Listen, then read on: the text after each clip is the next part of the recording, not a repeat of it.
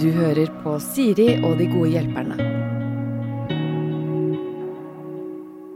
Mine gode hjelpere er Simon Nitsche og Mikael Andreassen. Vi har allerede vært gjennom deres problemer. Det eh, inkluderer tilbud, som var vanskelig hos eh, Simon. Eh, og en eh, undulat, som var litt vanskelig hos deg, eh, Mikael. Den har jeg sagt at jeg kan passe fram til jul. Ja, det har du. Eh, Tilbudsgreiene der du er on your own, Simon. Mm, jeg, jeg vet det. Ja, men du har også ryggen mentalt på Takk. mange måter som to litt dårlige coacher. Mm. Nå skal vi ta eh, andre menneskers problemer, og vi begynner rett og slett litt i, i undulatlandskapet. Bare at vi skrur det til, legger til en hund. Noen som har skrevet inn. Flinke, gode hjelpere. Her kommer et bjeffeproblem. Vi bor på et tettsted i et byggefelt der mange av oss har hund, og det går som regel fint og uten problemer. For kanskje et år siden fikk vår nærmeste nabo seg en hund, en lita gneldrebikkje. Den står ute og bjeffer kanskje åtte til ti timer til sammen i løpet av en hel dag, fordelt utover dagen. Jeg er hjemmeværende og legger kanskje ekstra godt merke til dette, og merker det begynner å tære på uh, da det faktisk er meget irriterende. Men hva gjør man med det? Det er naboer som uh, sikkert uh, kommer til å være naboene våre i mange, mange år framover, og de er etablert med barn og ser ikke ut til å ha flytteplaner, så jeg vil helst ikke komme i konflikt med dem. Uh, jeg tror faktisk ikke de enser hvor irriterende det er at hunden står ute og bjeffer, og virker heller ikke som de prøver å gjøre noe med dette problemet. Er hunden valpen litt irriterende eller i veien inne, så hiver de den bare ut på verandaen eller i hagen, og gjerne på et tidspunkt hvor den bjeffingen passer dårlig for oss, eksempel under legging av våre små barn, som har soverom rett ved der hvor hunden står. Vi har andre naboer med mye større hunder som aldri hadde fått lov til å stå ute og bjeffe på den måten, og vi har selv en hund som heller ikke får lov til å stå sånn på den måten. Er det liksom greit at hunden bare står sånn fordi den er liten? Jeg blir gal. Hva gjør vi? Kall meg hva dere vil. Hei, Hei. takk for problemet. Oi, det var terapeutisk og fint. Mm, ja. Jeg, jeg, jeg vil ta den rollen Ja, i ja, dag. ja. Flott inngang. Her eh, kan jeg kjenne meg litt igjen. Da jeg vokste opp, eh, så var det også en nabohund som bjeffet og bjeffet, og som skremte meg. Og det er jo da blitt eh, forløperen til mitt hundeangstproblem som jeg har i dag. Ja. Det som skjedde der, var at jeg tror mine foreldre prøvde seg på en, en myk og hyggelig eh, approach til å, til å si at dette, adressere at dette her kan være litt eh, slitsomt med den Mm. hunden. Hunden er sikkert kjempesnill, men den er litt truende. Kan det høre, høres ut som denne her bare er, bare er irriterende, men jeg tenker at det å, å troppe opp en dag det er eh, med litt sånn myk eh, tone, kan være lurt. Mm. Jeg er enig i det, som Mm. utgangspunkt, som første kontakt. Ja. Den første runden bort. Og sånn at de, så lenge man ikke sier fra, så vet jo ikke de Man bør jo kunne anta at det kan være irriterende for noen når man har en liten hund stående og bjeffende ute i gården i mange timer. Mm. Men den første er jeg enig i. Det, det, den å gå og på en hyggelig måte uh, påpeke at uh, den kommer med veldig mye lyd, skjønner du. Det er spesielt når barna skal legge seg, for det kan de fleste relatere seg til og synes å forstå. Mm. Begynne der, og se, kjenne på responsen. Mm. Fordi noen går jo veldig fort i forsvar. Mm. Nei, men i all verden, jeg må tåle at Ikke sant? Dere har jo bikkjer sjæl. Ja. Mm. Mens, eh, mens andre kanskje Oi, det har jeg ikke tenkt på. Så får man lyst til det. Ja, for Men det vet man jo ikke. Nei, det vet man ikke. Og jeg syns også man kan si fra, men sjansen for at dette er folk som ikke vet hvordan de skal få bikkja til å slutte å bjeffe, den er ganske stor. Det, vi, Mm. vi vet ikke Nei. Vi vet ikke hvordan man oppdrar en hund, vi. Nei. Og at de skal da plutselig gidde å ta tak i det når De blir jo påminnet at hunden bjeffer hver gang den bjeffer. Mm. Eh, så selv om man skal være hyggelig når man går bort og sier fra, så må man jo si fra med såpass pondus at det gjør at de får lyst til å lære den å, slutte å bjeffe.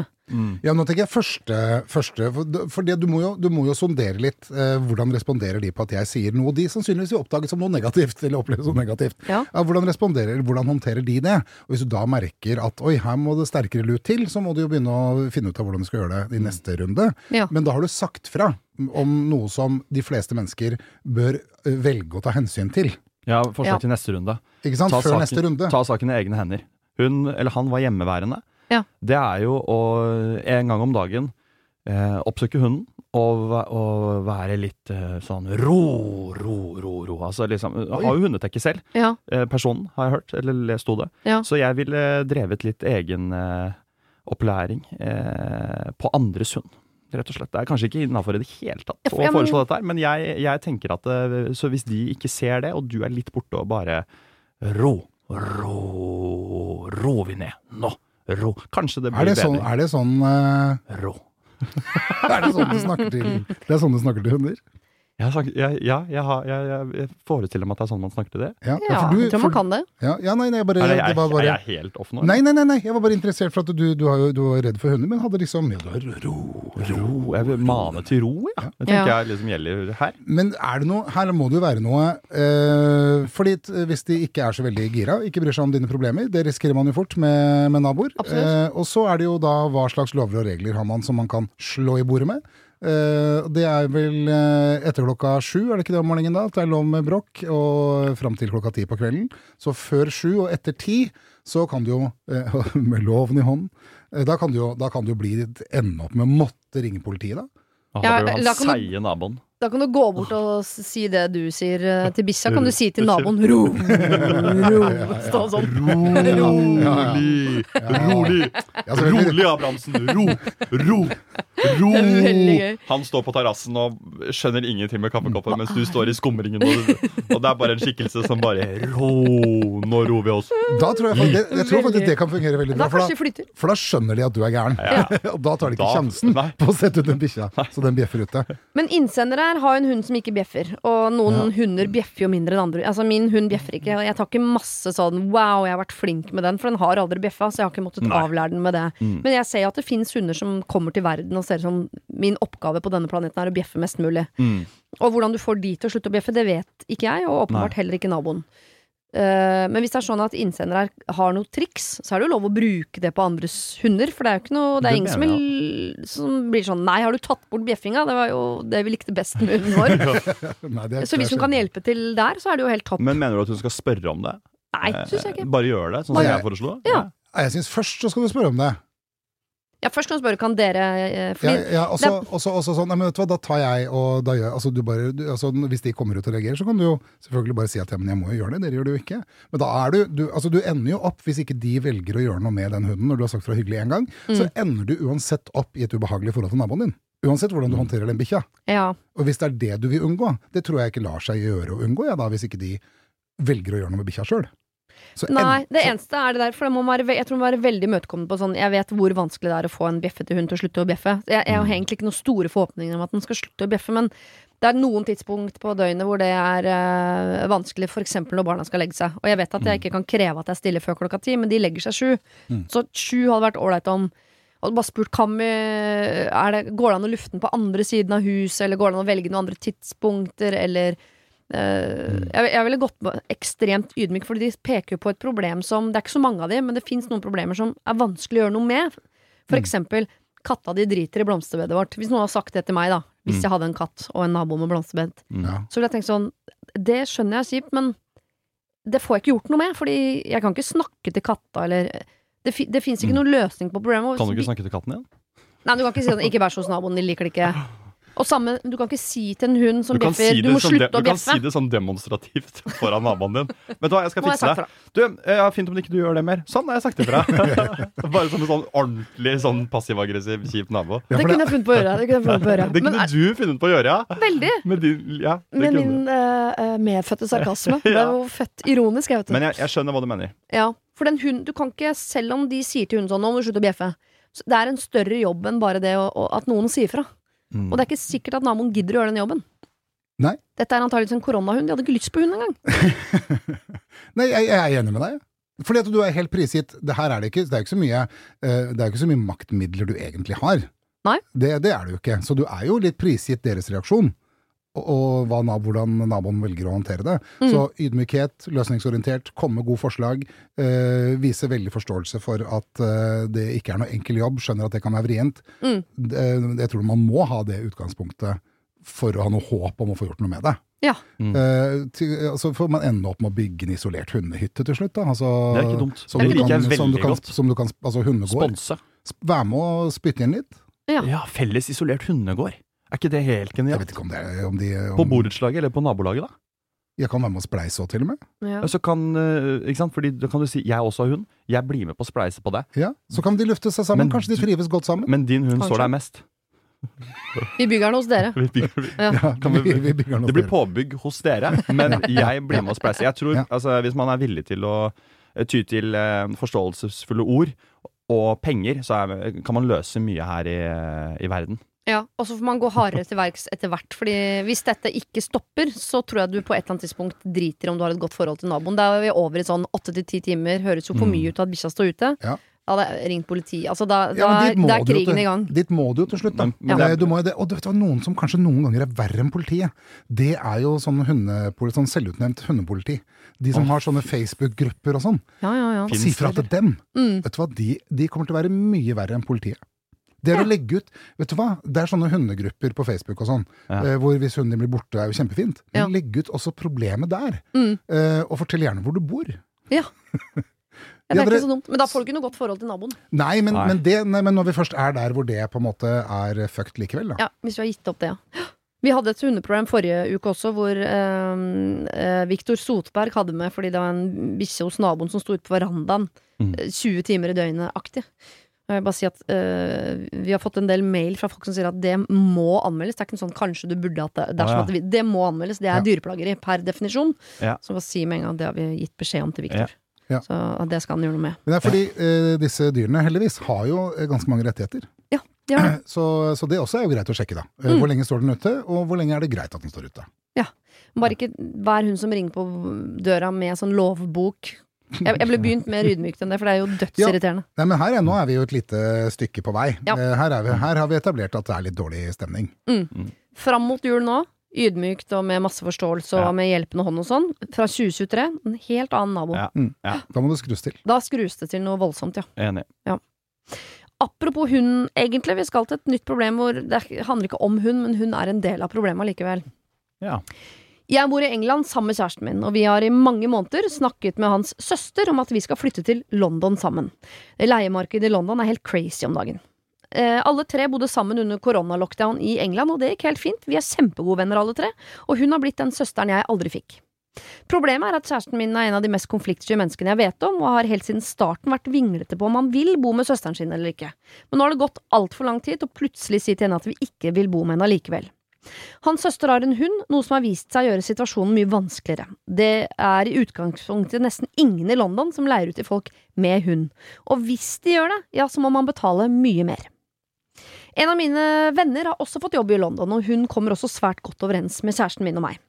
Hun spurte om hun kunne slenge seg på leilighetsjakten vår, så vi begynte å se etter treroms istedenfor toroms. Vi vil jo gjerne bo med henne, og det er mye billigere å være fire enn tre i leiligheten. Hun har møtt søsteren, eh, og de kom også godt overens. Men søsteren til kjæresten ble ikke så glad for å høre om dette her. Hun vil ikke ha med seg en person til, selv om det blir billigere. Hun sier hun er ferdig med universitetstilværelsen, og det er fair. Men samtidig har jo vi vært superfleksible og tålmodige med det faktum at hun har en hund som gjør hele prosessen ti ganger vanskeligere. Er det ikke hennes tur til å tilpasse seg nå, da? Hun er forbanna og sier at det virker som om vi har gått bak ryggen hennes, og hun kommer til å bli knust om vi eh, dumper henne for å flytte inn med venninnene istedenfor. Jeg skjønner jo at jeg ikke kan tvinge henne til å bo med noen hun ikke vil bo med, men det viser jo kanskje litt allerede at hun ikke kommer til å være en som tilpasser seg noe særlig. Bestevennen har tatt på seg ansvar med å ta tog inn til London for å se på leiligheter, og prøver å finne hundevennlige leiligheter, og sagt at hun gjerne bor på sofaen til vi finner en leilighet som er hundevennlig. Men, eh, men eh, med den hunden så risikerer vi å måtte vente i mange måneder. Så, skal jeg ditche bestevennen eller søstera? Skal jeg tvinge søstera til å bo med bestevennen? Da blir det jo dårlig stemning. Eller skal jeg si til bestevennen at hun må klare seg sjøl og risikere at hun må bo alene hos noen hun ikke kjenner? Det er jo slemt, det òg, og jeg føler at hvis jeg gjør det, ja, så lar jeg jo søsteren egentlig bestemme for mye. Hilsen fortvila jente som gjerne vil ut av denne situasjonen uten å såre noen for mye. Kall meg hva dere vil. Hei, hva Ja. du vil. Ja. den er tricky. Jeg syns den er tricky. Ja. Her skulle jeg nesten hatt noe å notere med, for det føltes som en sånn Mm. ligning som skulle løses. Ja. X og Y, ja. Eh, Men uh, først så syns jeg jo ikke at eh, hun, søsteren med hunden, fremstår som sånn veldig opptatt av andre enn seg selv. Nei. Nei. Og det er jo vanskelig å Mm. skulle måtte forholde seg til, da. Mm. Men blodet er tjukkere enn vann, så jeg, jeg Å, at du er der! Ja, ja. Men var ikke, var ikke kjæresten Ja. også Altså, uh, broren litt i tvil om at han egentlig hadde lyst til å bo sammen med sin egen søster også? Jo, han var Jo. litt tvilende. Men det er sikkert Det er jo tvil med kjærlighet, da. Det er jo, de er jo søsken, liksom. Og de, men her, jeg tenker at det er perfekt. De er søsken, de må bare være dønn ærlige med hverandre. Det kan søsken være sånn brutalt. Søsteren av hund, Mm. det, er et, det er liksom en eh, Det er noe negativt i det å finne leilighet i det hele tatt. Mm. Den er på henne. eh, de er keen på å være rause med den andre personen som også har lyst til å bo med, bo med de. Mm. Her tenker jeg at søsteren må få lov å være med, med hunden. Det er et kompromiss. Da må hun inngå et kompromiss med at eh, det blir en fjerdemann med, og så må de si hun får lov å være med. De må alle sammen finne en leilighet hvor alle kan bo i, med hunden, koste hva det koste vil. Det blir uansett litt billigere fordi de er fire, så den er grei. Begge to på hver sin side må inngå et kompromiss. Alle må da finne en måte å bo sammen. Søsteren må svelge en kamel, venninna må svelge en kamel, og det må de bare sette seg i et rom over en pils i Londons gater, først fort som pokker, og Mm. bare finne ut av. Eller en vinbar. Det er opp til dem. Jeg legger meg ikke opp i hvor de setter seg. Ja, De må bare- bare, jeg vil Det er legge til- raust. Her kan man også dele en kaffe, altså. Jeg vil bare legge til det. Det er Eller kaffe hvis man ønsker det. Ja. Ja. ja. Det er veldig fint at du sier. Beklager, Mikael. Vi skal ikke ha på oss den, liksom. Beklager, Nei. Det skulle ta seg ut. Beklager, Mikael. Det var ikke noe sånt mot deg, altså. Jeg vet, Nei, jeg vet. jeg vet. Men, men eh, nei, fordi her er det masse argumenter man kan bruke òg. hunden. eh, mm. det blir, eh, leilighetene blir dyrere med hunden. Sånn som i utgangspunktet da, så er det jo naturlig da at eh, søsteren selv må bære ekstrakostnaden ved at hunden skal være med. Enig. Eh, men eh, når vi deler disse utgiftene på fire, så er vi villige til å være med på å betale det ekstra vi må regne med å betale for å ha med hunden. For da blir det så mye mindre på hver. Enig. Så det er et argument, Mm. Sånn rent økonomisk, for at vi skal være fire. Jeg er også egentlig heller mest mot eh, Jeg, heller mot at de skal bo sammen hele gjengen, jeg òg. Mm. Ja. for da tror jeg hun For hun er ute etter Noen blir litt såra eller får litt uh, skrubbsår på følelsene sine. Mm. Uh, uansett, virker det som. Fordi at noen må gjøre noe de har sagt at de ikke Ja, ønsker. de, de må svelge en kamel. Ja, så, Noen her, Ja, bortsett må fra venninna får jo alt som Hun har ikke vært negativ til verken å bo med det kjæresteparet eller søstera eller bikkja eller noe som Hun er ute og jakter. Hun er strålende fornøyd. ja, øh... Så hun må ikke inngå noen er kompromiss. sant. Det er, sant. Mm. det er tre som må gjøre det. Men her er det jo sånn at broren vil egentlig kanskje ikke bo sammen med søsteren sin likevel. Eh, sånn i utgangspunktet. Mm. Eh, hun som har sendt inn, eh, jeg fikk ikke med meg om hun uttrykte noe sånn misnøye med å bo sammen med søsteren hans. Syntes det var egentlig var helt eh, ålreit. Hun vil nok gjerne bo med alle, men syns det er vanskelig det med bikkja har litt dårlig tid. Ja. Eh, så jeg tenker at det gjør da vel ingenting om uh, venninna er fornøyd. er ikke det bare fint?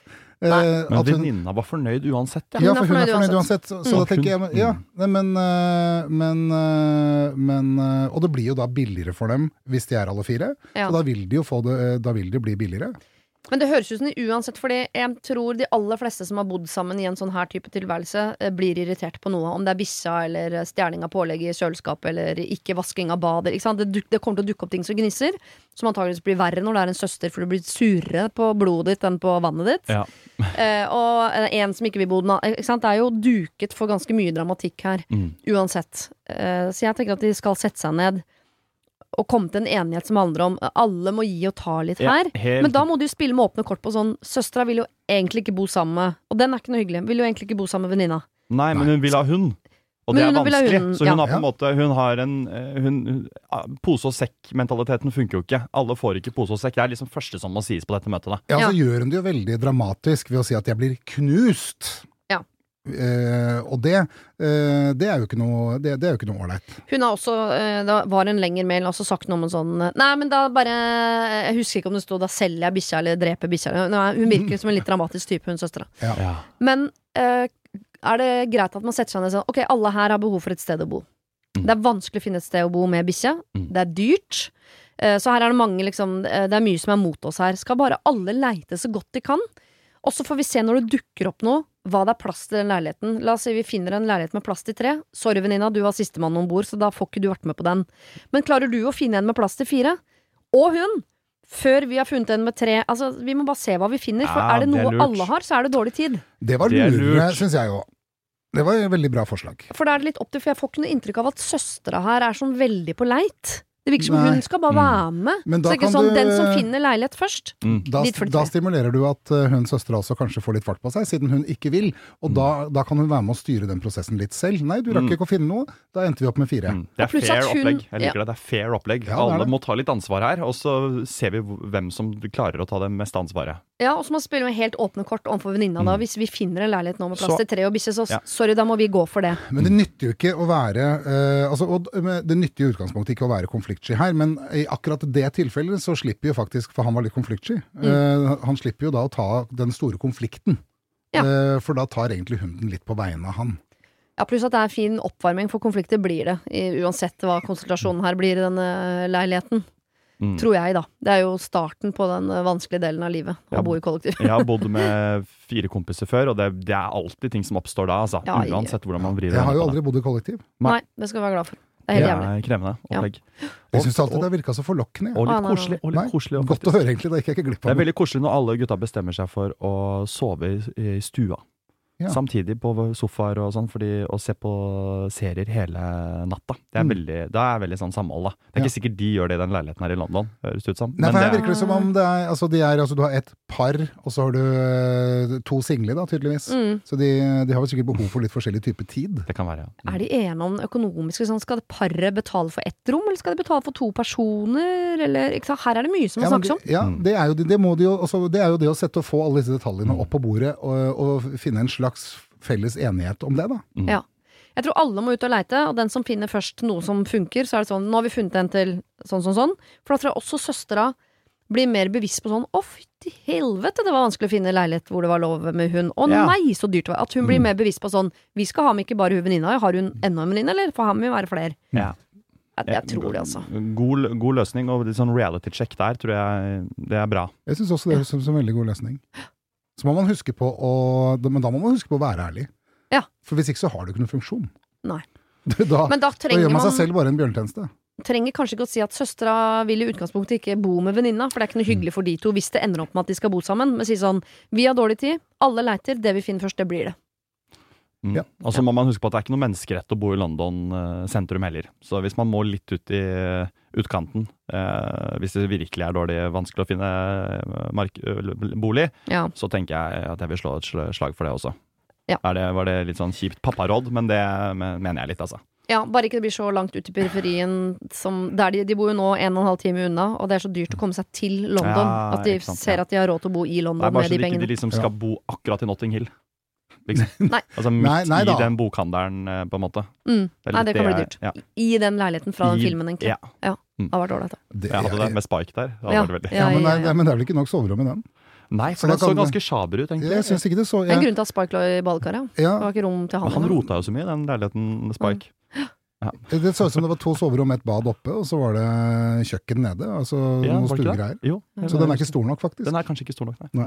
Dere bare gjøre meg til for å være en del av gjengen, men jeg har faktisk ikke sett den filmen hele. Men jeg Har har sett ikke det klippet med en eller annen Spike en, Har du ikke i et badekar. Den referansen tar jeg. ja. Og noe bokhandelgreier. Yes. Ja. Så du har ikke sett når Spike kommer ut i underbuksa?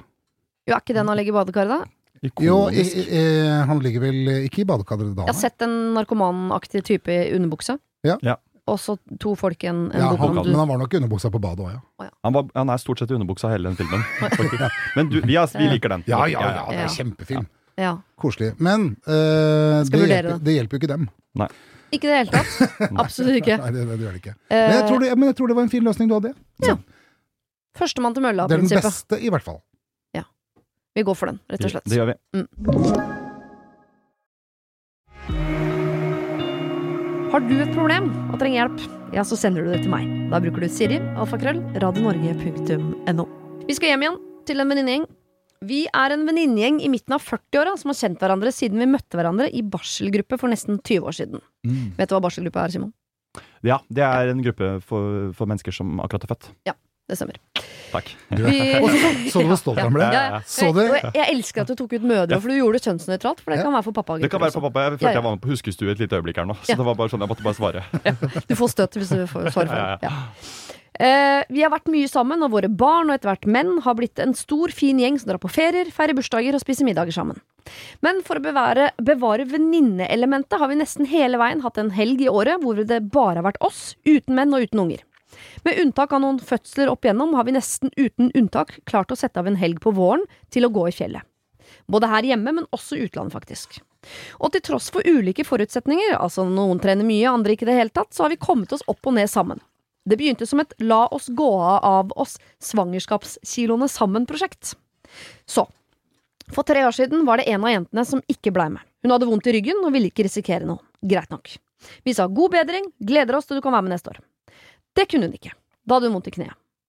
I år var det ryggen igjen. Og i tillegg var det en til i gjengen som måtte avlyse fordi hun hadde en hofte som hadde slått seg litt vrang. Altså, alderdommen er i gang, og den skal vi møte sammen. Men vi er allerede i gang med å planlegge tur våren 2023, og denne gangen blir det utenlandstur. Vi gjør det hvert femte år cirka. Nå har noen nevnt at vi kanskje skal bytte ut de vanligvis så aktive turene våre med noe annet som alle kan være med på, typ shopping og champagne. Jeg ser poenget, men vi er syv stykker som fortsatt elsker å gå i fjellet. Skal alle vi erstatte fjellet med Sara bare fordi det er to stykker her som har begynt å få vondter? Jeg er nok blant de vrangeste her, altså. Mye fordi jeg hater å dra på den typen venninnetur, og er redd jeg eh, Redd det da blir meg som får vondt, men i vilja. Så, skal vi ta hensyn? En eller annen dag så må vi jo det, men er det litt tidlig, eller? På vegne av gruppa, kall meg Merete. Hei, Merete. Hei, Merete. Hei, Merete. Jeg, jeg syns at uh, altså Når det gjelder at hvor, hvor, nødvendig er det Altså Her går jeg ut fra at det er viktig for dem å bevare den gjengen. Ja. Og da må man jo alltid ta hensyn. Uh, og når det gjelder fysisk aktivitet, uh, om det er tur i fjellet, eller om de liker å dra på spinningturer i Palma sammen, Mm -hmm. så det, det, det, går det an å få løst gjennom resten av året. Hvis, hvis det er viktig for deg. Du må ikke gå på en lang fjelltur med akkurat de jentene, når du vet at et par av dem ikke uh, kan slash vil. Jeg har gjort det i 20 år, da. Ja, ja, men så vil ikke de det lenger, da. Så syns ikke de det er noe ålreit lenger, da. Og så har de litt vondt i kneet, når jeg er sånn hermetegn. Ja. Mm. Uh, du tror ikke på det, men ikke Nei, altså jo, det kan godt hende det er sant, men det spiller ingen rolle, egentlig. Uh, for uh, om det ikke er sant, så gir de i hvert fall finner en unnskyldning for å slippe. Ja. Så, så, da er ikke det så farlig. Så da syns jeg da får de heller sette seg ned og i fellesskap finne ut av hva de skal uh, gjøre på disse turene. Okay. Eh, eller om de, når de først har kommet seg ut på tur, dele seg opp. Ok, Da drar vi og shopper et par timer, så går vi på en fjelltur, og så får vi fortsatt masse kvalitetstid sammen. Ja, Så finne en storby med et fjell. Det er, ja, men jeg tenker Hvis det er så viktig eh, Ja. å få gått på den fjellturen, på den jenteturen, Ja. så, så er det jo det å inngå et kompromiss hvor man fortsatt får bevart Vi skal på tur sammen, jenter. Eh, vi skal kose oss sammen. Og så er det noen eh, som har lyst til det, noen som har lyst til det. Ja, men så gjør vi det i noen timer, da. Så har vi masse tid sammen for det. Mm. Kjempelurt. San José, for eksempel. Hovedstaden i Costa Rica. Den ligger veldig høyt. Der kan man gå på fjelltur og shoppe. Det er litt mye kriminalitet der, så jeg ville kanskje sett på noen europeiske byer. eh. Det er en sånn bitte, bitte liten Det var litt, litt nisjeforslag fra sida her. Ja. Men jeg er jo veldig enig i det med å kombinere, da. Hallo, del dere opp midt på dagen. Dere skal spise middager sammen på kvelden. Bevar den der tradisjonen deres. Mm. Det her kommer til å skje i alle vennegjenger der ute, dere som hører på. Velg steder hvor de som har lyst på active vacation, får lov å gjøre det. Mm. Og de som har lyst til å kun eh, gå på shoppinggata og drikke champagne, gjør det. Et par timer om dagen, tre-fire. Barcelona, noen er på La Ramblan, noen er nedi på stranda og surfer. Det kan de damene her også gjøre. Det Ser ikke for meg at det er noen i den gjengen her som surfer. Ikke hun, for jo, men hun sa aktivitet. Det var ikke, det var ikke bare den, Den er der fjellturen som var på død og liv. Nei. Jeg tror det kan være innmari gøy hvis de 40, var de 40-åringene de var, Ja, ja, ja. surfer Midten. i Barcelona. Tar seg et kurs Ja. med en hyggelig spansk eh, instruktør. Mm. Prøve noe nytt. Litt i bølgene der. Ja, er- Få ut liksom energien, og så møtes alle sammen til en brunsj eh, etterpå. Nå er vi over i liksom blåtursegmentet, nesten. Er vi ikke det, da? Ja, nei, er det er ikke blåtur hvis ikke du vet hvor du skal. jo, men da er det mer sånn uh, damer i 40-åra som skal på surfekurs, og det er litt Jo, men Jeg er der, men uh, Aktiv ferie er aktiv unner ikke, ferie. jeg Altså. unik ikke å si det. ja, jeg kan si det. Jeg, er- jeg er jo der. Et bra mellomsteg også, bare for å skyte inn det, Ja. eh, som tilbyr både yoga, men rolig. Ja. Nei, tilbyr både aktivitet, men rolig yoga. Yin-yoga. Ja. Ja, jo, ja, ja, Litt- yin-yoga. Ja, litt rolig yoga. Der, der møtes vel de mest aktive og de, og de lateste på midten. Mm. Ja, det går fint. Ja. Så yogatur til ja, Palma eller til eh, Gran Canaria eller noe sånt. noe. Jeg må, her må jeg være vrang og si da, Jeg blir ikke med på yogatur. Sorry. Nei, Nei, men det avtaler dere jo på forhånd. Ikke det. Nei, men, uh, Ja, men ikke, bare, ikke si sånn 'jeg vil ikke Nei, det'. Si heller hva du har lyst til. Prøv å si hva du har lyst til i stedet. jeg har lyst til å gjøre det vi alltid har gjort. Gå i fjellet. Ja, men da må, det går ikke lenger. Ja, men da får du ikke med deg alle. Nei, men får med sju. Ja, men Hva er viktigst for deg, da? Er det å, at alle er med, eller at du får gått i fjellet? Nei, det vet jeg virker jo på innsender her som fjellet faktisk er litt viktigere. Ja, nei, det virka faktisk, det virka faktisk Ja. litt sånn det gjorde det. Eh, men fordi, for å problematisere, da. eh, jeg skjønner at det ene året i San José, var det det du sa det het? Eh, Hovedstaden i Costa Rica heter San Jose. San José, ja. Med Jeg voldsalarm, og det ble ålreit, det. Ja, det har jeg vært der. Du overlevde, du. Det gikk kjempefint. Jeg overlevde. Ja. uh, ja, men, ja, ja, Så vidt. ja, det, var, det var så vidt. Jeg var der sammen med Bernt Hulsker, Å ja, men da overlever Ja. han. Ikke sant. så, så da overlever de fleste. Ja, ja, ja, ja. Han har sprinken i klarer han. Men eh, eh, neste år, da. Ikke sant? I år, ok, San José, det blir supert. Noen kan shoppe, og andre kan gå i fjellet. Mm. Neste år så er det Hemsedal. Ja. Eh, Skal noen da gå på topptur i Hemsedal, mens de andre hva da sitter på Ja, er det stavkroa og strikker, eller Da blir det jo ikke så gøy å dele gruppa i to ikke, lenger. det er vel ikke strikke man først og fremst gjør på stavkroa, har hørt. På Jo, det er strikketirsdag, har du ikke hørt om det? Jeg har vært på det flere ganger. Det er, det er noe helt nytt vi har snakka med på stavkroa. Ja. Det er for å inkludere alle. Hadde jeg vært faktisk. gira på strik, dagstrikking, så hadde jeg ikke først og fremst sjekka ut mulighetene i Hemsedal. Men ser dere problemet med det? det er Ja. ikke så, jeg skjønner at man kan dele seg i to grupper. En som går på Sara, og en som går på en eller annen fjelltopp. Mm. Men hvis dette, det bare slår meg som en De er en venninnegjeng. Jeg skal spole til toppen her. Mm. De eh, feirer bursdager, eh, de spiser middager, de drar på ferie. De er masse sammen, så de har 100 anledninger til å eh, shoppe og drikke champagne og spise middager og kose seg. En gang i året, det har de gjort i 20 år, så går de på en topptur eller fjelltur tre Mm. dager i, i, på Hardangervidda eller altså et eller annet. Ja. Og det skal byttes ut med sånn Nei, kaffe latte og, og, og Nei, jeg tenker det er gyllen mulighet til å finne en ny Altså, fjelltur er for heftig. Og, Ja. og shopping og champagne er for kjedelig. De må, de må finne seg et liksom felles ny, ny plattform hvor de kan møtes og videreføre tradisjonen. men vi må helt Ja. åpenbart gjøre et valg. ja. Er venninnegjengen å gjøre det sammen med dem viktigst? Eller klarer jeg meg fint med de som velger å bli med? Da må du ta, ta den praten, da. Ja. Fordi at nei, men det er topptur vi har hatt alltid, det er topptur vi skal på. Hvis noen eh, ikke lenger har lyst til å være med på den toppturen, så syns jeg det er veldig, veldig trist. Mm. Men det er topptur vi drar på. Ja. Det, men da må man jo bare gjøre det valget. Kan du bytte Er hva, til langrennstur? hva er viktigst for meg? Ja, da blir ikke jeg med. Da blir ikke du med. Nei, nei, nei, nei, nei, da blir ikke jeg med. Det skal være topptur. Det er liksom Ja, nei, det, og, det, og når du sitter her med litt vondt i kneet, så er det akkurat det du tenker. Ja. Og da, kan det, da må du også tenke på en konsekvens til. Kan det hende at den neste gangen dere møtes på, eh, til en bursdag, eller til Mm. en, noe av det andre dere gjør gjennom hele året, kan det hende at stemningen blir litt annerledes da? For det er jo Det fort en konsekvens når man velger bort to på den tradisjonelle toppturen. Ja, for hvis hun med kneskade også har glutenallergi, så du må bake en annen kake ikke sant? Da begynner det å bli dårlig stemning i leiren. Nå høres det ut som en veldig problematisk venn. Hun har plutselig fått glutenallergi også. Ja. Har fått glutenallergi. Ja, ja, det begynte i kneet. Ja. Men eh, eh, jeg, for jeg er enig i kompromiss. Det skulle vært veldig rart om jeg ikke liksom likte konseptet kompromiss. Mm. Det gjør jeg. Eh, men jeg syns heller kompromiss skal være at vi fortsetter med fjelltur en gang i året. Ja. Men vi skal også ha en tur der vi gjør noe annet. De kan, Og du smører på en tur til! jeg smører på med en tur til, Ja, jeg, ja, altså. men jeg kan like det. Surfing, for eksempel. Fordi jeg, eh, hvis du fortsatt har lyst til å gå i fjellet, eh, men fordi noen har vondt i kneet, så må du gå på Sara. Det syns ikke jeg noe om. Men ja til Sara.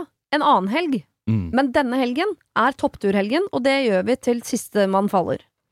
Ja, Kompani Lauritzen-aktig. ja, men hvorfor ikke huke på fenriken? Ikke sånn Og så pusher han alle opp med både de med knærne og Du hoftene. hyrer, Ja. du hyrer på et befal fra militæret, eller Ja, offiser er fra militæret, som skal pushe hun med dårlig kne opp fjellsida. Ja, som går bak og er sarkastisk. 'Å, så vondt i kneet'. Det er Det løsningen. er gøy. Ja, det er noe, i hvert fall. Ja, det vært interessant å høre om han tar sånne oppdrag. Men vi er enige om Det kompromiss. Vi er bare ikke helt enige om det. kompromiss skal foregå i samme helg, hvor noen Nei, nei. strikker og andre går, Mm. eller om det skal være to. Jeg går for to helger. Men den samtalen må jo de fint De kjenner jo hverandre såpass godt at den eh, samtalen tåler vel- vel fint å ha rundt bordet. Ja. De må involvere hele gruppa. Før de begynner med cavaen, er lurt. Ja. For etterpå så utarter det seg veldig fort til at de ikke er så enige. Mm. Mm. Men da skal man også være lydig for at det er ikke noe kult for de to som har vondt i kneet, å si imot de sju som ikke har vondt i kneet, om at vi vil gå på Sara. Det er ikke noe, så man må være rausere med de to, Ja, Ja, det fordi er de er i undertall. Ja. De er i undertall. sant? Men de kan faktisk ikke gå på topptur. Så er ikke, de Nei, har ikke satt seg ned for å sutre. De kan ikke. Og så har jo det toppturhysteriet gått litt eh, langt, syns jeg. Ja da. Gå, altså, Det er ikke så gøy. det er ikke så gøy! Nei, det er ikke så er det så gøy å Nei, men kave de seg opp? syns det er så gøy, ja, da! Ja da, ja Eller hun syns det er så gøy. Ja, Til slutt så ender, kanskje hun ender opp med å gå aleine på topptur. ja, men kanskje hun vil det. Syns det er helt topp. Men da skal hun gjøre det. Jeg eh, legger det fram for hele gruppa. Hva gjør vi nå? nå vi, det er, vi klarer ikke å få hele gruppa til topps lenger. Mm. Vil det si at vi bare noen går av på første base? Vil det si at vi deler dagen i to? Skal vi ha en alternativ helg? Mm. Hvordan gjør vi? Hva er best for alle? Så blir man enige om noe. Ja. Og når man er sju, så er det vrient å få til en løsning som alle sier ja! Nå fikk jeg det som jeg ville. En løsning kan være Bergen. Shopping for noen, og Fløyen for noen andre. Da For kan- Fløyen kommer alle seg opp. Da kan de fem som eh, er gode til beins, gå opp, mens Mm. de to andre kan kjøre opp. Ja! Det er jo bane der! Finn et fjell med sånn gondol. Finn fjell med taubane eller gondol. Romsdalseggen, perfekt. Gå Sveits. gondol opp. Sveits, gå gondol opp. Jeg vet Vengen. Ja. Det er sånn der, utrolig fin sånn togtur opp til eh, Jungfrau, altså, eller Top of Europe heter det. Da- Dette her, Ta kontakt med meg, tenker jeg nå. Ja. For nå skal jeg være reiseguide. Jeg har vært masse i Alpene, jobba. Der har jeg masse tips. Vil du, vil du gi Alle kommer seg opp, er min Ja, for nå tok jeg furen til uh, Ja. Mikael, Ja. så kan du ta det toppturgreiene. ja. Så du velger at du gir telefonnummeret ditt til sju damer i 40-åra? Det er akkurat det jeg sitter her og sier. Ja. okay. Er Jeg trodde det, Jeg trodde det var, er jeg trodde det var mer subtil enn som så, men det var jeg visst ikke. lykke til. Åh, nei, det, der uh, klinka vi til på slutten. Har dratt sånne steder som har gondolbane opp. Ja. er. Skåla og Ja, ja. sånn, hvor ligger det? Er det Stryn eller sånn? Ja, noe sånt noe. Ja, opp, opp dit. Opp dit. Ja, ja, ja. Det er jo helt genialt. Det er kjempebra. Ja. Bra jobba, Da blir det fjelltur på alle. Det gjør det. Huh, men blir det et barn til? Blir det et barn til? Vi får se vårt neste problem. Oi. Jeg er en dame i midten av 30-åra som har en fin mann, tre nydelige unger, fast jobb, hus og bil. Lever med andre ord A4-livet som jeg trives godt med. Jeg fikk eh, mine eldste barn tidlig i 20-åra, minstemann er nå fem. Problemet mitt er at jeg nå ønsker meg et fjerde barn, et ønske jeg dessverre er alene om å ha. Jeg kommer selv fra en stor familie og har alltid sett for meg å ha mange unger. Helt siden jeg var liten har jeg hatt et sterkt ønske om å få fire barn. Ønsket har blitt sterkere de siste årene da jeg ser hvor stor glede barna mine har av hverandre. Kanskje spesielt de to eldste. Ettersom minstemann er såpass mye yngre, blir han nesten som et enebarn til tider. Jeg vet også at dette bare kommer til å bli mer og mer tydelig når de eldste har kommet i tenåra. Min mann er superflink med barna, og vi samarbeider godt. Vi er tilstedeværende foreldre som elsker barna våre over alt på jord, og det betyr alt for oss. Det er ulike grunner til at mannen min ikke ser for seg å få flere barn nå. Vi bor i rekkehus, som vil si at vi ikke har all verdens med plass. Det faktum at et barn til betyr at vi får én til å følge opp, og så har vi selvsagt det økonomiske. Han sier at det ikke er fullstendig krise om et uhell skulle skje, men jeg vil da heller ikke lure han. Jeg vil at han skal ønske seg et barn til, like sterkt som jeg gjør. Jeg vet ikke helt hva jeg spør om her, men dette begynner å bli slitsomt. Jeg tenker på det hver dag. Håper dere kan gi meg noen råd. Hva skal jeg gjøre? Jeg er redd jeg på sikt kommer til å bli bitter på mannen min. Tiden er jo ikke akkurat på min side heller. Kall meg Tuva. Hei, Tuva. Hei, Tuva. Barna er sånn 5, 11 og 13. 5, 11 og 13. Jeg har lyst på et fjerde barn. Og det, altså, kjærligheten til barn kan jeg jo se for meg er eh, stor når man først har kommet i gang med det. Eh, Mhm. Stemmer ikke det? Ja, men jeg tror å ja, Jeg er i hvert fall glad i mine. Jeg får snakke for meg sjøl. Jeg er glad i mine, i hvert fall. Ja, jeg er veldig glad i mine. Men, men eh, å få han til å ønske seg barn like sterkt som hun ønsker seg et barn til, Ja, det tar vi bort. Den tror jeg nesten vi må bare For det får du ikke Det får, ja, det får vi ikke til. Nei. Sorry. Men hvor det, Og da må jo hun tåle hvis hun da skal ha et barn til, så må hun jo tåle at det hadde ikke han så lyst på. Da kommer det, ikke, altså det kommer ikke til å skje sånn at da kommer han til å nekte å forholde seg til det barnet, tror jeg. Han blir ikke noe mindre, barn i det, mindre glad i det barnet. Nei, for når det barnet er der, så elsker du det. Ja, så, sånn er det jo. Det vet vi jo. Ja. Mm. Men ah, fy fader, for det der, det der syns jeg er ganske vrien. Fordi det er jo mange som tenker at eh, å, nå sliter vi litt i kjærlighetsforhold, la oss få et barn, for det limer oss litt tettere sammen. Nei. Å ja, det er-. Det er kanskje den tøffeste tiden var... for et parforhold. Er å, ja, er å. Kjempegøy å Du lage. trodde det? Også, Jeg ja. Det trodde var det var- godt vi sa det, faktisk. Jeg, Jeg, jeg trodde det var sånn sterkt li, lim, jeg. Litt sånn Nei, nei, nei. Nei. Ok. Nei. nei, det er mer en jekk som du, de jekker dere fra hverandre. Glede- ja. Ja, det er sånn lang test. Ja. Kjempelang test på forholdet. Ja, det er det. Ja. Så, så, så, så hvis han ikke vil, så han kommer til å elske barnet, det uansett, men ikke vil, og så ender det opp med å få, da kan jo det også skape ganske mye negativt i forholdet, da. Det Mm. kan jo bli en, eh, en ting som har drevet mennesker fra hverandre. Jeg vet ikke, I vårt forrige program her så inngikk vi et slags kompromiss som sto mellom fjelltur og, og shopping og champagne. Der kan man bli enig. Ja, Bikkje, Men- mener du? Ja, nei, men kompromiss om det fjerde barn jeg, vet, jeg skjønner ikke hvems Hvis ikke du vil ha et barn, så skal du ikke Nei. få barn for å inngå et kompromiss. Men Nei. hvis du virkelig vil ha et barn, så er det vanskelig å inngå et kompromiss på nei, det skal jeg ikke ha, for det vil ikke du. For det er ikke noe mitt. Det går ikke an å inngå Selv om kompromiss er jo at de har tre barn, er et slags kompromiss allerede i hennes favør. Hva med sånn avlastningsbarn? At man eh, på, At de låner et barn Ja, et sånn tidvis. Ja. Det er det mange barn som, altså mange barn som har behov for. Ja. Eh, Så, og at man blir et avlastningshjem, Ja. Man tenker blir et avlastningshjem og får inn et, eh, et barn som enten har en fysisk eller psykisk funksjonsnedsettelse. Eh, det har jeg jo sett i min oppvekst, at noen vennepar av min familie hadde hadde da, var avlastningshjem for barn, andre barn, og så ble det også veldig fint fordi de søsknene hadde veldig glede av at eh, det ble som en sånn bonussøster som kom inn. Så det kan jo være et alternativ hvis det er kjærlighet man ønsker å bringe inn i heimen. Ja. Også barn som bare har foreldre som ikke, som ikke Ja. helt takler å ha barna sine der hele tiden, som trenger hjelp. Det var et veldig fint forslag, da. Ja. For at det er jo bra for enda flere enn bare dem òg. Mm. Det er jo bra for enda et, et barn til som allerede er skapt som trenger det.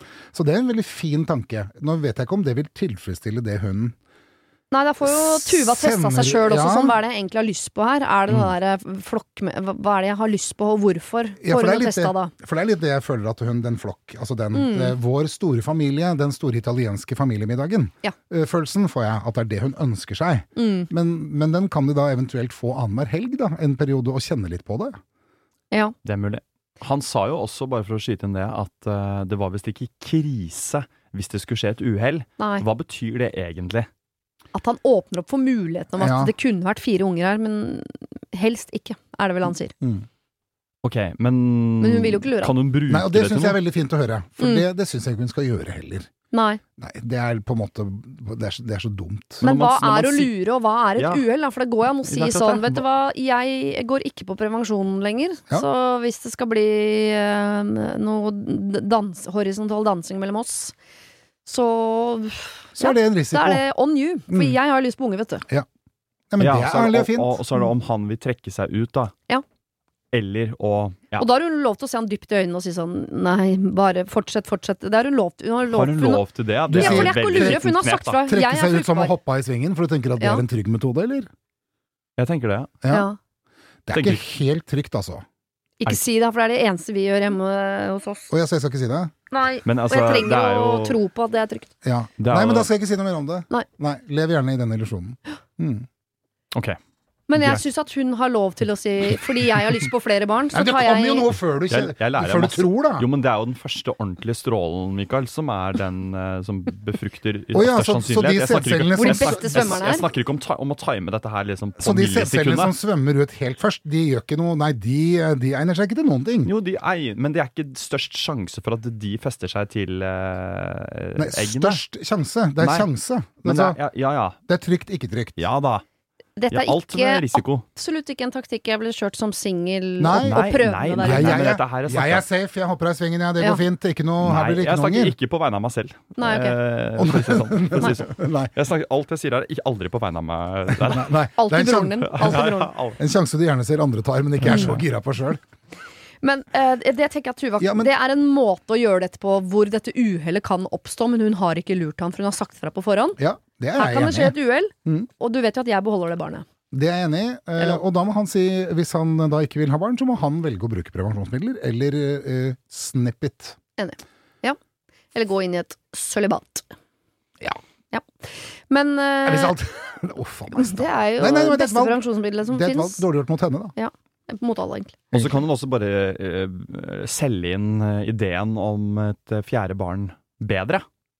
Ja. Altså hun Og kan jo mener male et uh, En bedre pitch. en bedre pitch også. i hvert fall Fordi at uh, plutselig så kan det være litt sånn Oi, at den tanken blir litt mer eh, spennende og bra fordi eh, hun forteller det med så stor lyst og begeistring at eh, kanskje mannen etter hvert ser de tingene hun ser. Mm. At eh, ønsket og drømmen om den flokken eh, vokser igjen. At du kan synliggjøre alle de positive tingene Og da spør jeg dere, kjære eh, foreldre, mer. hva er de positive tingene med Ja, flokken? Ingenting. ikke de ganske liksom. Du kan ikke være mentor her.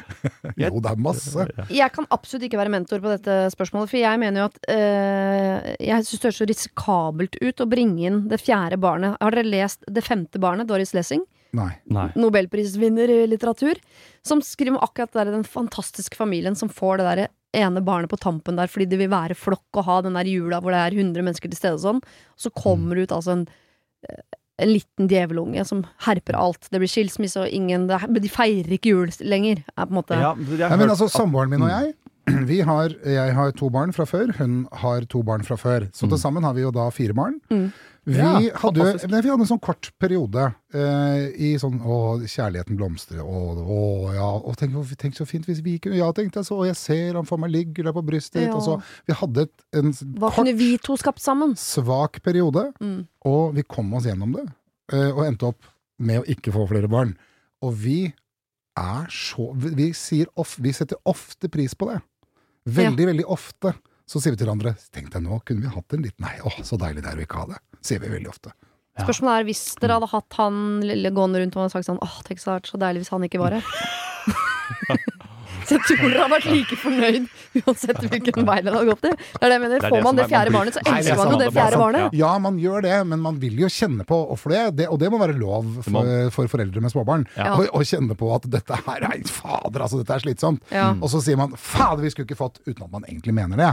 Eh, det, det, det er lov, for det er slit, lov å si at det er slitsomt. Og det vet jo de, de har jo tre allerede. Ja. Men det er noe med det derre Don't change a winning team. Sånn, nå er Du snakker så pent om mannen din, dere har det så fint, dere har tre nydelige barn. Jeg bare vet ikke, Hva skal det fjerde barnet bringe som ikke du allerede har? Det, jeg syns bare risikoen for at det du har Det er en forestilling om noe, da. Jeg, jeg, jeg, Og det så- må hun også huske på. Det er definitivt ikke sikkert at det blir sånn. Apropos det femte barnet, som du snakket om. Hvis du er leser den, det kan du sånn. lese den bare? Gå og les den jeg, boka. jeg, jeg slår et slag for å få det barnet. Det er, vi Ja. lever bare én gang. Barn er jo meningen med livet. Mhm. de, har, de er jo dyktige til å, til å skape barn. Det er ikke alle som uh, Ja, de får det til. Selv inn ideen om et fjerde barn. Og det blir sannsynligvis det geniale, litt rebelske, men det fantastiske barnet som gjør at flokken blir komplett. komplett. Familien har større mulighet for å formere seg. Det er masse oppside ved å få seg en uh, fjerdemann, men uh, det er klart det er slitsomt. Men livet er slitsomt, Det er, folkens. ja, og det er så Livet deilig å høre han, han som aldri opplevde å ha småbarn, si det. Det er, Ja. dette er, livet er slitsomt. det er- Jeg fikk lyst på fire unger sjøl. Jeg fikk faktisk. Nei, Nei. jeg fikk litt lyst på flere unger Jeg skal nå bli etter den talen. jeg skal bli sånn Bertrand og Pølsa Pettersen på Instagram. Bare Mm. med å selge inn ideen om mange barn. Men jeg snakker ut fra et perspektiv der jeg ikke har barn selv, så jeg vet ikke liksom hvor troverdig det, det er. Jeg falt ikke for den. Nei, ikke sant. Nei, men du, eh, vi er Sånn i sånn samme båt. Jeg snakket eh, varmt om topptur for bare fem minutter siden. Jeg har aldri vært på topptur i hele mitt liv, så jeg vet ikke hva jeg snakker om. Ja, Mm. men dere trodde at jeg hadde gått på topptur, ikke sant? Ja, ja. Veldig. Aldri vært på topptur. Men eh, fjerde barnet Husk det, da. Han eller hun på fem. Fordi det var også noe sånn Å, jeg vil at eh, han, hun på fem også skal få en, en, en søsken. Mm. Det får han ikke, for det blir jo seks-sju innen dere har fått den fjerde ungen. Så han er fortsatt enebarn i midten der. Det Ja. skal dere være klar over. Ja da, jeg, jeg, det er ti år mellom meg og min bror. Eh, Jeg var jo enebarn, og jeg flytta ut, så han ble også enebarn i en lang periode. Ja. Så, så vi fikk ikke den eh, at vi hadde glede av hverandre i, i veldig ung alder. Dere må bytte bil. Ja. Mm. Må du Må det? kjøpe større telt. Du må kjøpe større telt, ja. Større sofa. Nei da.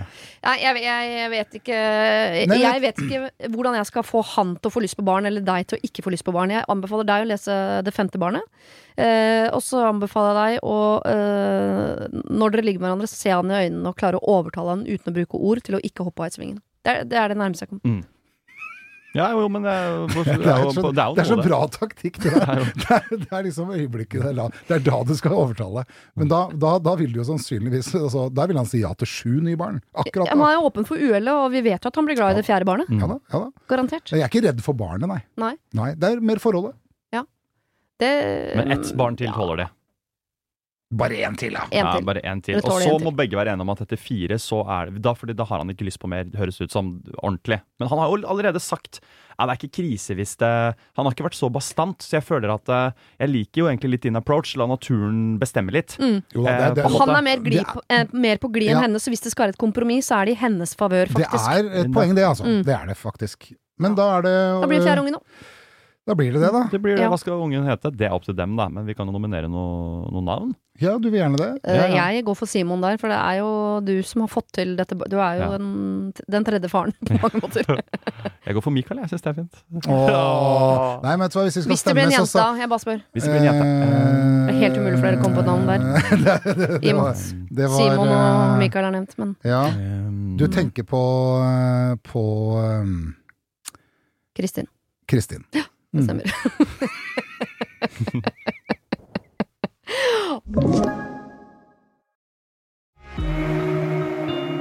Har du et problem og trenger hjelp, ja, så sender du det til meg. Da bruker du Siri, alfakrøll, radionorge.no. Ok, dere. eh, Vi skal holde oss til flokken. Siste problemet nå, for nå eh, nærmer vi oss jul.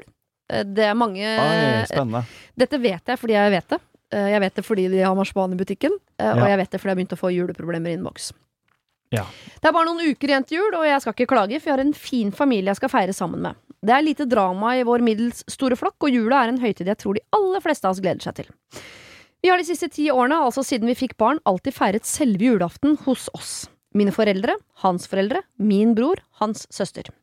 Første dag er vi hos mine foreldre sammen med min bror. Andre dag er vi hos min mann og deres familie. Altså ikke, dere skjønner, hos hans foreldre og den gjengen der. Mm. Ja.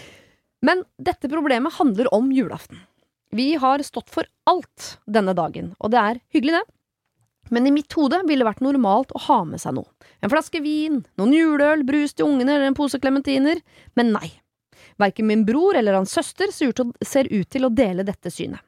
Foreldrene våre forventer jeg ikke noe av på samme måten, da de huser jo alle dagene etterpå uten å forvente noe fra oss. Hvert år blir min mann og jeg liggende etter at alle har dratt, og snakke om dette, om hvor rart det er. Er de sånn? Har de bare blitt sånn? Men vi har jo aldri sagt noe, så på mange måter så kan vi egentlig ha det så godt. I år skal vi til min bror på julaften. Han har vært eh, raus og bedt med min mann sin familie også, så vi blir samme gjengen som alltid, men hos min bror. I min natur er det jo da selvsagt å ta med noe til fellesskapet. Det går tross alt med litt når vi er så mange. Samtidig, det har jo aldri de gjort. Jeg tenker ikke på det som en hevn, altså, jeg bare kjenner at det sitter litt inne å ta med noe når de aldri gjør det. Og sånn tenker jeg aldri ellers. Hva syns dere? Skal jeg ta med noe? Skal jeg ta med masse? Eller skal jeg ikke ta med noen ting? Ja, det er gøy. Ta med Ja, ta- seks bæreposer med ja, ja. ting og tang. Jeg tenkte at siden dere Som du sette setter hardt på bordet i midten. Litt sånn ja, siden- Halvparten knuser. hun. Ja. Hun kaller seg for Grinchen for sikkerhets skyld. Bare for å, ja. Hei, Grinchen. Grinchen, hei. Grinchen, uh, syns jeg skal gjøre det som hun uh, føler er mest naturlig, og ikke Men da må hun legge vekk den derre uh, grunchen uh, som de har eh, på, på kveldstid. Eh, hvis hun føler uh, men, men hvis hun virkelig irriterer seg over at de aldri har med noe, Mm. så hadde jeg ikke tatt med noen ting. Bare kommet, dukka opp. Som Men- de gjør. Men da vinner jo de. Da har jo de fått henne til å bli sånn som de, istedenfor at hun nå har muligheten til å få de til å bli sånn som henne. Mm. Hun har en mulighet der, gyllen, tenker jeg. Ta med, ta med noe. Det er jo en oppdragende effekt. og så vil Ja, de kanskje det, ja, hvis, hvis, hvis det har det, så. Kanskje. Men hvis man aldri har tatt med seg noe, eh, er heller aldri nevnt det, heller aldri gitt eh, noe som en slags form for signal for at eh, det ville føles naturlig i det hele tatt, Mm. så vet jeg ikke hvor trua jeg har på det. Nei. Mm, nei. Hvis man gir eh, Hvis jeg kommer med Hvis hun kommer til broren sin med to, eh, to flasker brus og sier 'jeg tok med disse her for fellesskapet', jeg. Så jeg tok disse med for fellesskapet, ja. tror du ikke han da at det aktiverer noe inni han da? Et Ja, nei, eller annet ja, ja, underbe underbevisstheten som kanskje kicker inn til neste jul. Det blir jo veldig spennende å følge med. da Men begynne med, lite, begynne med lite, da. Begynne med lite, Begynne ja. med et par flasker brus. Ja, ja, begynne med lite, ja. Ikke, ikke sånn demonstrativt eller noe sånn voldsomt opplegg. Det har hun jo, gidder hun jo ikke. Nei, det er jo å, å eh, gni det inn i Det er, det er jo å gni det inn, Ja. hvis du Ja. tar med deg altfor mye. Da er du sur. Ja, og så har du ikke sant, Så får du jo sannsynligvis ikke noe igjen. Nei, da blir det jo en greie. Da, hvis du kommer med liksom fire bæreposer og, øh, og hjelpemann på bil som må ha med liksom en ekstra kartong med vin. Mm. Eh, og ja, så stekte vi litt ekstra ribba i steik, og vi. Da, da, Men, men da gnir du det igjen. men- Men du Men nø nøttebiff er tilfelle noen har blitt vegetarianer siden i fjor. Tilfelle. Veit du det er jo gøy. Ja. Men en, jeg tenker at det er veldig universelt å ta med en flaske vin eller to. Uansett, liksom. Det er jo sånn, det ligger jo bånd. Ligger ikke det bånd? Uansett, liksom. Hos de aller fleste Jeg klarer ikke helt å, å sette meg inn i dette, men vi har jo øh, ulik kultur i venninnegjengen, hvor noen er veldig sånn på vertinnegaver, og noen er Mm. ikke. Eh, men jeg tenker at de som er glad i å gi vertinnegaver, syns ikke jeg skal slutte å gi vertinnegaver bare fordi ikke alle andre har den samme tradisjonen. For det er noe med hvis du er et menneske som er glad i å gi, så skal du ikke la de der surpumpene som ikke er det, kvele den siden ved deg. For det er jo en fin side. Det er jo dumt om den siden skal forsvinne hos Grinchen, at hun også plutselig blir en som ikke gir, bare fordi hun har vært mye sammen med folk som ikke gir. Ja, nei, er hun glad Da går i jo det? verden i feil retning. Er hun glad i det, eh, så er jo det fint å gjøre. Eh, hun skal jo ikke forandre seg, men jeg vet ikke om hun var glad i å gi. Hun eh, Ja, var det- egentlig mest irritert. Og hun gjorde det, ja! Ja, At hun selv det er er helt glad i å gi. normalt. Eh, I mitt hode ville det vært helt normalt å ha med seg noe. Ja, okay, Ergo hun ja, ville sånn, gjort det normalt sett, da. nå kvier hun seg, da, fordi at uh, hun har aldri fått den av broren sin. Neida, men Nei, da så hun er litt irritert. Mm. Ja. Men da er det jo egentlig uh, greit å ta med seg noe som du normalt hadde gjort. Ja, jeg er også heller mot det. At Mm. ikke man tar Man må ikke hevne seg i retning av sånn Ja, jeg har ikke fått noe av deg, så får ikke du noe hos meg. Da er vi jo Hvor er vi da? Ja. Hvordan skal verden bli da, ja? Mm. Ja, da, ikke sant? da har begge blitt sånn som ikke tar med noe. Eller hvis hun da øh, blir frista til å hevne seg med sånn Jeg tok med to kasser vin, jeg. Sånn er jeg! Ja. Ja, så setter de igjen hardt på kjøkkenøya, sånn at alt bare knuser. Nei, men ta med den mm. Unnskyld. Nei, jeg avbrøt deg. Få høre. det, ja, nei, men jeg, jeg, jeg er egentlig enig i det. Ta med det hun normalt hadde tatt med seg. Ja. Og så er det lov å håpe på at neste gang de har jul hjemme hos seg, at Mm. de tok hintet. For det blir jo et hint. Det blir jo litt Selv om hun er, det, fordi fordi at hun, jeg tenker, hun er jo irritert. Hun er litt irritert. Så når hun overleverer dette, Ja. så vil hun jo gjerne at de skal se at hun har det med. Det ligger, hun vil jo egentlig det når hun er irritert. Ja, jeg, jeg tenker du, det er lov å tenke at det er oppdragende. Ja ja. Men jeg tenker også faktisk, da, som jeg har vært litt sånn kjepphest på i min venninnegjeng, antageligvis til irritasjon, både når det kommer til vertinnegaver og til julegaver og sånn. Hvis du har lyst til å gi, så skal du gi fordi du har lyst til å gi, ikke fordi du har en forventning om å få noe tilbake. Ja. Så jeg hadde mange år hvor jeg fikk julegave av Else, min venninne. Ja. Hun fikk ikke noe tilbake. Det gikk litt sport i det etter hvert, bare for å sjekke sånn Gir du for å få, eller gir du for å gi? Og så skjønner jeg at jeg også blir idioten her, men jeg, hvis hun skal ta med vinflasker til broren sin i år, så er det ikke fordi han skal ta med neste år. Det er fordi hun har lyst til å gi vinflasker i år. Mm. Ja, men det vil jo, uansett om det er motivasjonen din, så hun er irritert fra før. Så det vil jo bli sånn at har hun med noe i år, Ja. uh, og de har hjemme hos henne i en året etter, så vil hun jo lure litt på så, Nå lurer jeg på om de uh, har med noe nå, siden vi hadde med sist. Jeg tror det, kommer, det er jo nærmest uunngåelig. Mm. Hvis ikke hun er uh, mor Teresa før vi skjønte at mor Teresa ikke var så snill. Da. Mhm. Ja, jeg. De kommer til den praten de vanligvis har på julaften. Sånn, hvorfor har de ikke med noe? Den dukker jo også opp da neste år igjen, blir hvis den, ikke ja, de har da, med. og da er nok irritasjonen kanskje Da er den større. Enda Hvis hun hun har tatt med. Så du tenker at hvis hun ikke tar med nå, så er det en mulighet for at Ok, men nå, nå har vi, da har vi bare en sånn Da er de null. greie, liksom. Vi er Ja. i null. Vi snakker ikke om det, men vi, vi, ta, vi har, tar jo åpenbart ikke med til hverandre. Jeg har ikke tatt med til han, og han tar jo Historikken viser da, at han tar da, med til meg. da må du jo lære deg å leve med at de ikke har med, men det hyggeligste, syns hun, er at man har med til hverandre. Så Mm. da tenker jeg, år én, ta med noe, ikke gjør noe nummer av det. Uh, og så ser du, uh, og hvis det er hos dere året etter, så har de, har de med noe da, så har du hatt en oppdragende effekt. Mm. Har de ikke det, uh, så må du forholde deg til det. Mm. Og da ta, er jeg For du må jo bli ferdig med det på et eller annet tidspunkt. Ikke sant? Du kan ikke drive og ha sånne samtaler og være sur og irritert. For da kommer, den, da kommer du til å være irritert ikke når, etter at de har gått, du kommer til å være irritert under hele julemiddagen.